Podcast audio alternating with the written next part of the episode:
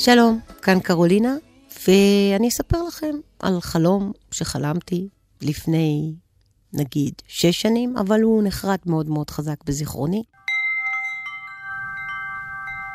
בחלומי, אבי המנוח מגיע עם אופנוע הרלי דיווידסון וחונה ממש ליד הבית ששכרתי בזמנו.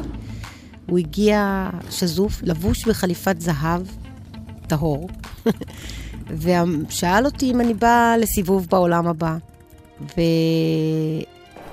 וכמובן רצתי במדרגות, גרתי אז בקומה שנייה, ועליתי על ההרלי, בלי קסדות, אבא שלי ואני אה, בעצם מתחילים לרכב אל העולם הבא.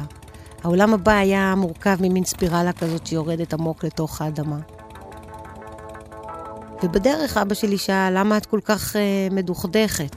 אני באתי אה, לנחם ולעודד אותך. אני יושב לי שם למעלה ומרגיש שאני צריך לבוא לפה על אופנוע, להוציא אותך מהדיכאון. אה, את חושבת שיש לי זמן לזה?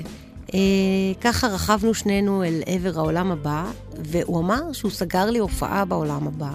אצל אישה מאוד מיוחדת, וכל פעם שהתקרבנו אל הבית שראינו באופק, הבית נעלם.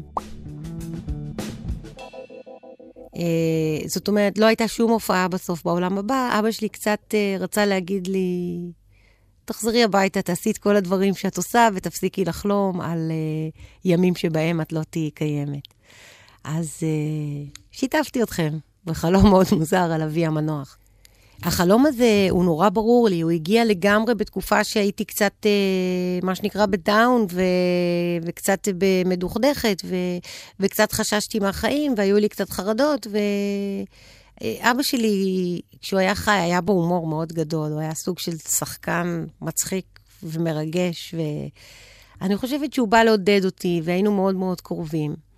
ובחלום הזה הוא קצת אה, רצה להנכיח לי עד כמה המחשבות האובדניות שיש לאדם הן אה, לא רלוונטיות, ו...